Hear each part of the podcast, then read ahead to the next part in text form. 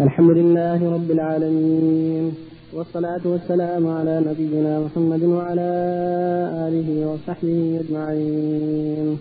أما بعد قال الحافظ ابن حجر رحمه الله تعالى في باب صفة الحج ودخول مكة وعن ابن عمر رضي الله عنهما أنه كان يرمي الجمرة الدنيا بسبع حصيات يكبر على أثر كل حصاة ثم يتقدم ثم يسهل فيقوم فيستقبل القبلة ثم يدعو ويرفع يديه ويقوم طويلا ثم يرمي الوسطى ثم يأخذ ذات الشمال فيسهل ويقوم مستقبل القبلة ثم يدعو فيرفع يديه ويقوم طويلا.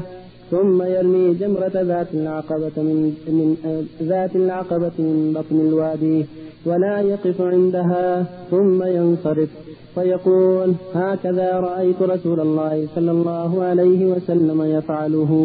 رواه البخاري. وعنه رضي الله عنه أن رسول الله صلى الله عليه وسلم قال اللهم ارحم المحلقين. قالوا والمقصرين يا رسول الله. قال في الثالثة والمقصرين متفق عليه. وعن عبد الله بن عمرو بن العاص رضي الله عنهما أن رسول الله صلى الله عليه وسلم وقف في حجة الوداع فجعلوا يسألونه فقال رجل لم أشعر فحلفت قبل أن أذبح. قال اذبح ولا حرج. وجاء آخر فقال لم أشعر فنحرت قبل أن أرميه. قال ارمي ولا حرج فما سئل يومئذ عن شيء قدم ولا أخر إلا قال فعل ولا حرج متفق عليه. وعن المسور بن مخرمة رضي الله عنه أن رسول الله صلى الله عليه وسلم نحر قبل أن يحلق وأمر أصحابه بذلك رواه البخاري. اللهم صل وسلم على رسول الله وعلى آله أما بعد هذه الأحاديث الأربعة كلها تتعلق باحكام من أحكام الحج. فالأول يتعلق بالرمي. فيه بين ابن عمر رضي الله عنهما أن النبي صلى الله عليه وسلم كان يرمي جمرات الثلاث أيام التشريق جميعا.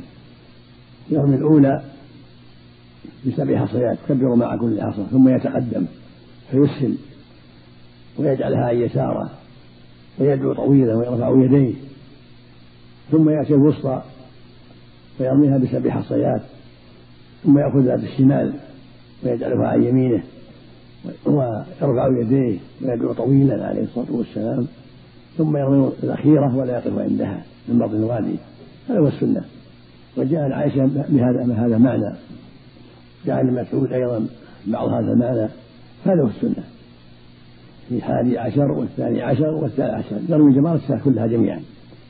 أما يوم العيد جمرة واحدة وهي جمرة العقبة من بطن الوادي هذه السنة. يوم العيد جمرة واحدة وهي الجمرة التي مكة. يقال لها جمرة العقبة لأن عندها عقبة وزيلت أما أيام التشريق الثلاث فإن يرمي الجمرات الجمرات الثلاث. كل واحدة بسبع حصيات. يبدأ بالأولى التي جارتي مسجد الخير. التي في منى يرميها بسبع حصيات. يكبر مع كل حصاة ثم يتقدم أمامه. يجعلها عن يساره يستقبل القبلة يرفع يديه ويدعو طويلا حسب حسب التيسير ثم يتقدم إلى الوسطى فيرميها بسبع حصيات يكبر مع كل حصاة ثم يأخذ عن يساره يجعلها عن يمينه ويستقبل القبلة يرفع يديه ويدعو طويلا. ثم يرمي الأخيرة ولا يقف عندها سبع حصيات هذا هو السنة. في اليوم الأول الحادي عشر والثاني عشر. وفي الثالث إن لم يتعجل إن لم يتعجل فيرمي الثالث مثل ما رمى النبي صلى الله عليه وسلم. يرمي الجمرات الثلاث. وإن تعجل في الثاني عشر فلا حرج. يخرج قبل الغروب بعد ما يرمي الجمرات الثلاث يخرج قبل الغروب إلى إلى مكة.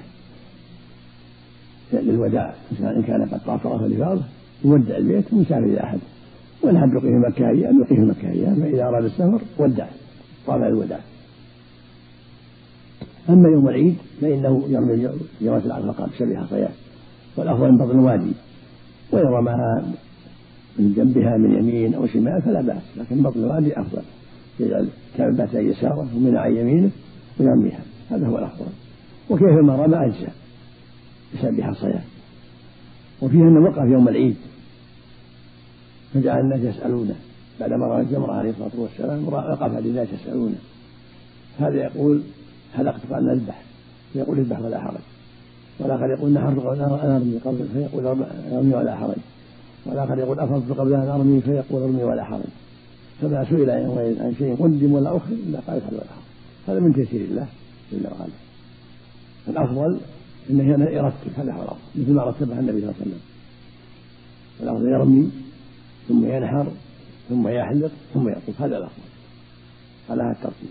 الرأي أولا ثم انهر الهدي إن كان عنده هدي ثم يحلق ويقصر ويتحلل إلا من النساء ثم يذهب إلى البيت يطوف. وهذا تمام الحج إذا طاف تم الحج كله من النساء وغير النساء. ويبقى يرمي الجماعة في الأيام الثلاث أو اليومين.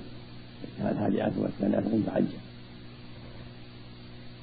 لكن لو قدم بعضها على بعض لأن بعض الناس يجهلون أو تضطرهم ظروف أخرى يقدم بعض على بعض. فلا بأس. فلو أن مثلا حلق قبل أن يذبح أو نحر قبل أن يرمي أو طاف قبل أن يرمي أو طاف قبل أن يذبح فلا حرج هذا أمر واحد. كما سئل النبي عن هذا فقال لا حرج عليه الصلاة والسلام فالحلق في الحج أفضل لأنه صلى الله عليه للمحلقين بالمغفرة مرة من ثلاث مرات من الحديث من عمر وابن هريرة وأبي هريرة ولمسلم قصر واحدة. فدل على أن الحلق أفضل لكون الرسول دعا للمحلقين ثلاثا وللمقصر واحد. وما ذاك إلا الحلق أفضل أكمل في إزالة الشعر. الحالق أكثر. ولهذا دعا لهم النبي صلى الله عليه وسلم بالمغفرة والرحمة ثلاث مرات. والتقصير يكون يأخذ بعض الشعر. الحلق وأن يحلق من أساسه بموسى والتقصير يكون يقص بالمقراء وقرب المكينة. هذا يسمى تقصير والحديث الرابع حديث مسفر بن مخرمة رضي الله عنه. النبي نحر قبل أن يحلق. هذا في صلح الحديبية وهو مطابق الأفضل في مسألة الحج لكن هذا في الحديبية لما صالح على مكة وتم الصلح وصاروا محصنين نحرها قبل أن يحلق عليه الصلاة والسلام ثم حلقوا وتحللوا ومر أصحابه يحلق ينحر أول. كما قال جل وعلا فإن أحسنتم فما استيسر من الهدي هو الهدي ثم الحق يعني. فإذا صار محصرا ممنوعا من مكة ممنوعا من الحج فإنه ينهر هديه ثم يحلق ويتحلل. فإن لم يكن عنده هدي صام عشرة أيام ثم يتحلل. وليس عليه شيء بعد ذلك. لكن قد حج حج الفريضة ما عليه شيء. ممكن بعد حج حج الفريضة يحج حج الفريضة. المقصود المقصود المحصر ما عليه قضاء. لأن الرسول ما أمر المحصنين بالقضاء فدل ذلك على أن المحصر لا قضاء عليه. وهذا معنى قوله فإن أحسنتم فما استيسر منه يعني فاذبحوا فانحروا ما من هذه. ثم الحق بعد والحق بعده ولا تعروا رؤوسهم حتى يبلغ الهدي محلة. هذا في المحصنين. لا تعروا حتى يبلغ الهدي محلة. أما الحجاج لهم أن يحلقوا قبل. كما قال صلى الله عليه وسلم قال الصحابي حلقنا الذبح قال لا حرج. هذا في الحج. أما في المحصر لا يبدأ بالنحر. ينحر ثم يحلق. وفق الله جميعا. أحسن الله إليك. وقت بداية رمي الجمرات بعد يوم العيد. وقت بعد بعد الزواج. بعد الزواج. ومن رمى قبل هذا الوقت؟ لا يجزي. الرمي بعد الزواج. حتى اليوم الثاني يوم الاستعجال. نعم. الرمي السابع العاشر والحادي بعد الزوال وفي الليل أيضا. في الليل لا تغير الفجر. ضابط هذا الوقت. أذان الظهر أم؟ زوال الشمس. زوال الشمس. حتى لو ما سمع الأذان. زوال الشمس يقول السائل ما رأي سماحتكم الحديث من قال حين يصبح ثلاث مرات أعوذ بالله من أعوذ بالله السميع العليم من الشيطان الرجيم ثم قرأ ثلاث آيات من آخر سورة سورة الحشر وكل الله به سبعين ألف ملك يصلون عليه حتى يمسي وإن مات في ذلك اليوم مات شهيدا ومن قالها حين يمسي كان بتلك المنزلة رواه الترمذي ومحمود بن غيلان عن أبي أحمد الزبيري. به وقال غريب لا نعرفه إلا من هذا الوجه. اللي يذكر انه ضعيف حديث ضعيف نعم. نعم. كان يرمي عن موكله. هل يرمي عن نفسه ثم يعود؟ أفضل. يرمي عن نفسه ثم يعود. هو واجب. في موقف واحد. عند كل جمرة هذا الصواب. عند كل جمرة. هذا الصواب. الله يجزاك الجنة الله يسلمك. الذنب بعد أيام التشريق؟ إذا فات فلا نفسه ولا نفسه إذا فات اذبح حتى الضحية حتى الهادي غير هو من ذوي أيام النحر أما الضحية لا إذا فات فاتت الضحية فاتت السنة. أما الهدي لا يذبح ولو بعد ذلك لأنه واجب عليه. أما هدي التطوع والضحايا ينتهي إذا ذهب اليوم الثالث انتهت الضحية والهدي التطوع أما هدي الواجب فالواجب ذبحه في أيام النحر الأربعة. فإن فات قضاء صار قضاء الواجب يعني. إذا غابت الشمس انتهى انتهى هذه الضحية وانتهى الهدي التطوع. أما الهدي الواجب ما ينتهي يقضي. يؤديه حتى ولو بعد ذهاب الأيام. الله إليك. ذبح الأضحية اليوم الثالث من أيام التشريق. ما في بأس. الصحيح لا لا. هذه أربعة أيام. هذا الصواب. يوم العيد ثلاثة إلى غروب الشمس. هذا الصواب. قال بعض أهل العلم يوم العيد فقط. قال بعضهم يوما بعد العيد. والصواب أنها ثلاث. نعم. أول يوم. أول يوم يوم العيد. ثم الحادي عشر. ثم الثاني عشر. الأفضل الأقدم المقدم فالمقدم الله نعم. بالنسبة للقسايم أي ما أفضل. القسايم أو يذبح بنفسه أحسن الله إليك أحسن الله إليك. بالنسبة لشراء القسايم الهدي أو يذبح بنفسه أحسن الله إليك القسايم يعني هو شركة تقوم بالذبح الهدي أحسن الله إليك يمكن الراجح يعني من توكيل شركات. لا لا لا لا في نفسه لا واحوط أو ذبح بنفسه أفضل وأحوط وأثبت. هذا المعورة متى شيخنا. بعد نهاية السعي أم بعد الحلق؟ نعم. تحلل من العمرة. بعد نهاية السعي أم بعد الحلق؟ بعد بعد الطواف. والسعي والحلقة بعد الثلاث يعني بعد بعد ما ما يطلع نهاية السعي ما, ما يلبس إحرامه لا. لازم يحلق. نعم. أو يقصر عليه يعيد فإن فاتت الأيام عليه حديث. ذبح وإن كان في أيام باقية يعيد بعد الزواج. وإن حلق وإن قصر فأخذ من بعض رأسه الصواب أنه يلزمه أن يأخذ من الجميع إن الرسول حلق رأسه كله قال خذوا عني مناسككم صلى الله عليه وسلم جواز الرمي قبل الزوال في يوم النفر ما عليه لأنه هذا يروى عن أبي حنيفة لكن ما عليه دليل الرسول رمى بعد الزوال قال خذوا عني مناسككم اللهم صل الله عليه ما توقي فيه من بالرأي الله يهديه قال الحافظ ابن حجر رحمه الله تعالى في باب صفة الحج ودخول مكة. وعن عائشة رضي الله عنها قالت قال رسول الله صلى الله عليه وسلم إذا رميتم وحلقتم فقد حل لكم الطيب وكل شيء إلا النساء رواه أحمد وأبو داود وفي إسناده ضعف. وعن ابن عباس رضي الله عنهما أن النبي صلى الله عليه وسلم قال ليس على النساء حلق وإنما يقصر وإنما يقصر. رواه أبو داود بإسناد حسن. وعن ابن عمر رضي الله عنهما أن العباس بن عبد المطلب استأذن رسول الله صلى الله عليه وسلم أن يبيت بمكة ليالي منى من أجل سقايته فأذن له متفق عليه. وعن عاصم بن عدي أن رسول الله صلى الله عليه وسلم رخص لرعاء الإبل في البيتوتة عن منى يرمون يوم النحر ثم يرمون الغد ومن بعد الغد ليومين ثم يرمون يوم النصر. رواه الخمسة وصححه الترمذي وابن حبان. وعن أبي بكرة رضي الله عنه قال خطبنا رسول الله صلى الله عليه وسلم يوم النحر. الحديث متفق الحديث متفق عليه. اللهم وسلم على رسول الله وعلى آله وأصحابه. أما بعد هذه الأحاديث تتعلق بأعمال يوم النحر. الحاج له في يوم النحر أعمال. وهي معظم أعمال الحج. الرمي ومن العقبة. نحر الهدي لأنه في يوم الأفضل. من ما بعده حلق الرأس وتقصيره الطواف والسعي إن كان عليه سعي هذه أفضل تكون في يوم النحر. والنبي صلى الله عليه وسلم رتبها رمى ثم نحر ثم حلق ثم تطيب ثم ركب إلى البيت وطاف طواف الإفاضة. وكان قد سعى مع طواف القدوم وكان قارنا فكفاه سعي القدوم. عن سعي الحج. لأنه أحرى قارنا بين الحج والعمرة والقارن يكفي سعي واحد فإذا قدمه مع القدوم كفى. هذا هو المشروع للحج للحجاج يوم النحر. أن يبدأوا من الرمي والأفضل يكون ضحى بعد ارتفاع الشمس كما فعل النبي صلى الله عليه وسلم. ثم بعد الرمي نحر الهدي إن كان عنده هدي. ثم الحلقة والتقصير. ثم التطيب. ولبس ما أحب من ملابس المخيط تغطية الرأس لا بأس. ثم الطواف السعي كان عليه السعي لكن لو قدم بعضها على بعض فلا حرج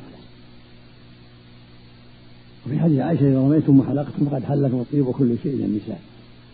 هذا يسمى التحل الأول. وفي سنده ضعف لأنه من رواية الحجاج بن أعطاه ضعف الحديث. وفي رواية أبي داود رميتم من ذكر الحلق وهكذا عند ابن عباس ابن عباس إذا رميتم فتحلم الطير كله إلا النساء من طريق الحسن العرني لكن لم يسمع ابن عباس. احتج بهذا من رأى أن الرمي يكفي التحل الأول وأن من رمى حصل ذلك التحل الأول. رواية عائشة إذا رميتم عند أبي داود من ذكر الحلق ولرواية ابن عباس إذا رميتم قد هذا كل شيء للنساء وإن كان في سنته انقطاع. لكن يشهد أحدهما للآخر والأكثر على أنها بعد اثنين من ثلاثة التحلل الأول يكون بعد الرمي والحلق أو الرمي والطواف أو الحلق والطواف. وهذا أحوط المؤمن أن يصبر حتى يضم من الرمي شيء إما الطواف أو الحلق أو التقصير. ومن تحلل بعد الرمي أجزأه ذلك ولا حرج إن شاء الله لكن تركها الأفضل والأحوط. الأفضل والأحوط والخروج من الخلاف أن لا يعجل حتى يفعل اثنين من ثلاثة إما الرمي والحلق أو التقصير أو الرمي والطواف أو الطواف والحلق حتى يفعل اثنين من ثلاثة من أسباب الحل فإذا رماها فإذا فعلها كلها حل التحل كله. إذا رمى وحلق وقصر وطاف تم حله حتى من النساء. إلا أن يكون عن السعي فلا بد من السعي مع الطواف كالمتمتع فإن على سعي ثاني وهكذا القارن المفرد إذا كان ما سعى مع طواف قدوم عليه أن يسعى مع طواف الإفاضة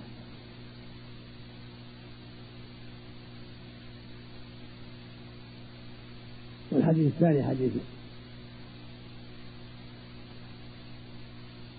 حديث ابن عباس في قصة العباس أنه كان منه في يبيت في منى أن يبيت في مكة لأجل السقاية هذا يحتج على أن السقاة ليس عليهم مبيت من من أجل عذر السقاية من يسقون الحاج مثل ما أصحاب الأعذار منهم أعذار في ليالي منى يسقط عنهم. كالأطباء ما يحتاج إليه في تلك الليالي أو غيرهم من أو مريض يحتاج إلى مستشفى. أو ما أشبه أو الرعاة الرعاة ليس يحتاج إلى خروج كما حديث عاصم بن عدي فإن يرمون اليوم يوم النهر ثم يخرجون للرعي ويسقط عنهم المبيت. ويحضرون في اليوم الثاني الثاني عشر لرجل اليومين يوم الحادي عشر والثاني عشر يرمونها جميعا. يرمون الحادي عشر ثم الثاني عشر. فإن تعجلوا ولا رموا اليوم الثالث عشر. ومثل الرعاة ومثل السقاة من كان له عذر مثل ما تقدم. مريض شق عليه بيت منه طبيب يحتاج الناس إليه في مكة. أشبه ذلك من له عذر بين. فإنه يسقط عنه كالممرض اللي يحتاجه المريض؟ الممرض فإنه عذر في ترك المبيت ليذهب مع مريض.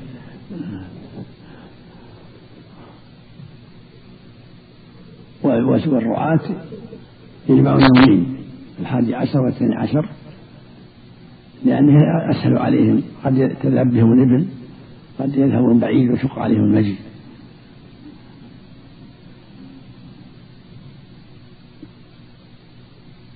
والحديث الأخير حديث أبي بكرة وحديث الحديث أيضا آه، أبي العباس ليس عن نساء الحق وإنما قصدها النساء ليس عليهن حق يكفيهن لهن التقصير لأن الرؤوس لهن جمال وجود الرأس جمال لها فلا يجوز لها الحلق إلا من علة. ولهذا أسقط الله عنها الحق وجعل التقصير يكفيها فتقصر من شعرها بعض السن في الحج والعمرة يكفي والحديث الخامس حديث بكر وهو نفيع بن الحارث الثقفي رضي الله عنه النبي صلى الله عليه وسلم خطب الناس يوم النحر. هذا يدل على شرعية الخطبة يوم النحر. قد خطبهم أيضا عليه الصلاة والسلام في يوم عرفة. فليس للإمام أو نائبه أن يخطب الناس يوم النحر حتى يبين لهم أعمال الحج. ويبصرهم وقد يشكل عليهم مع خطبة عرفة. لأن الناس في حاجة. فالنبي خطبهم يوم عرفة خطبة طويلة خطبهم يوم النحر أيضا. بين لهم خطبتين أحكاما كثيرة. وبين في خطبة عرفة أن أمور الجاهلية موضوعة. وأن ربا الجاهلية موضوع جماع الجاهلية موضوعة. بين لهم ما على الزوج والزوجة ما على الزوج لزوجته والزوجة لزوجها. بين لهم.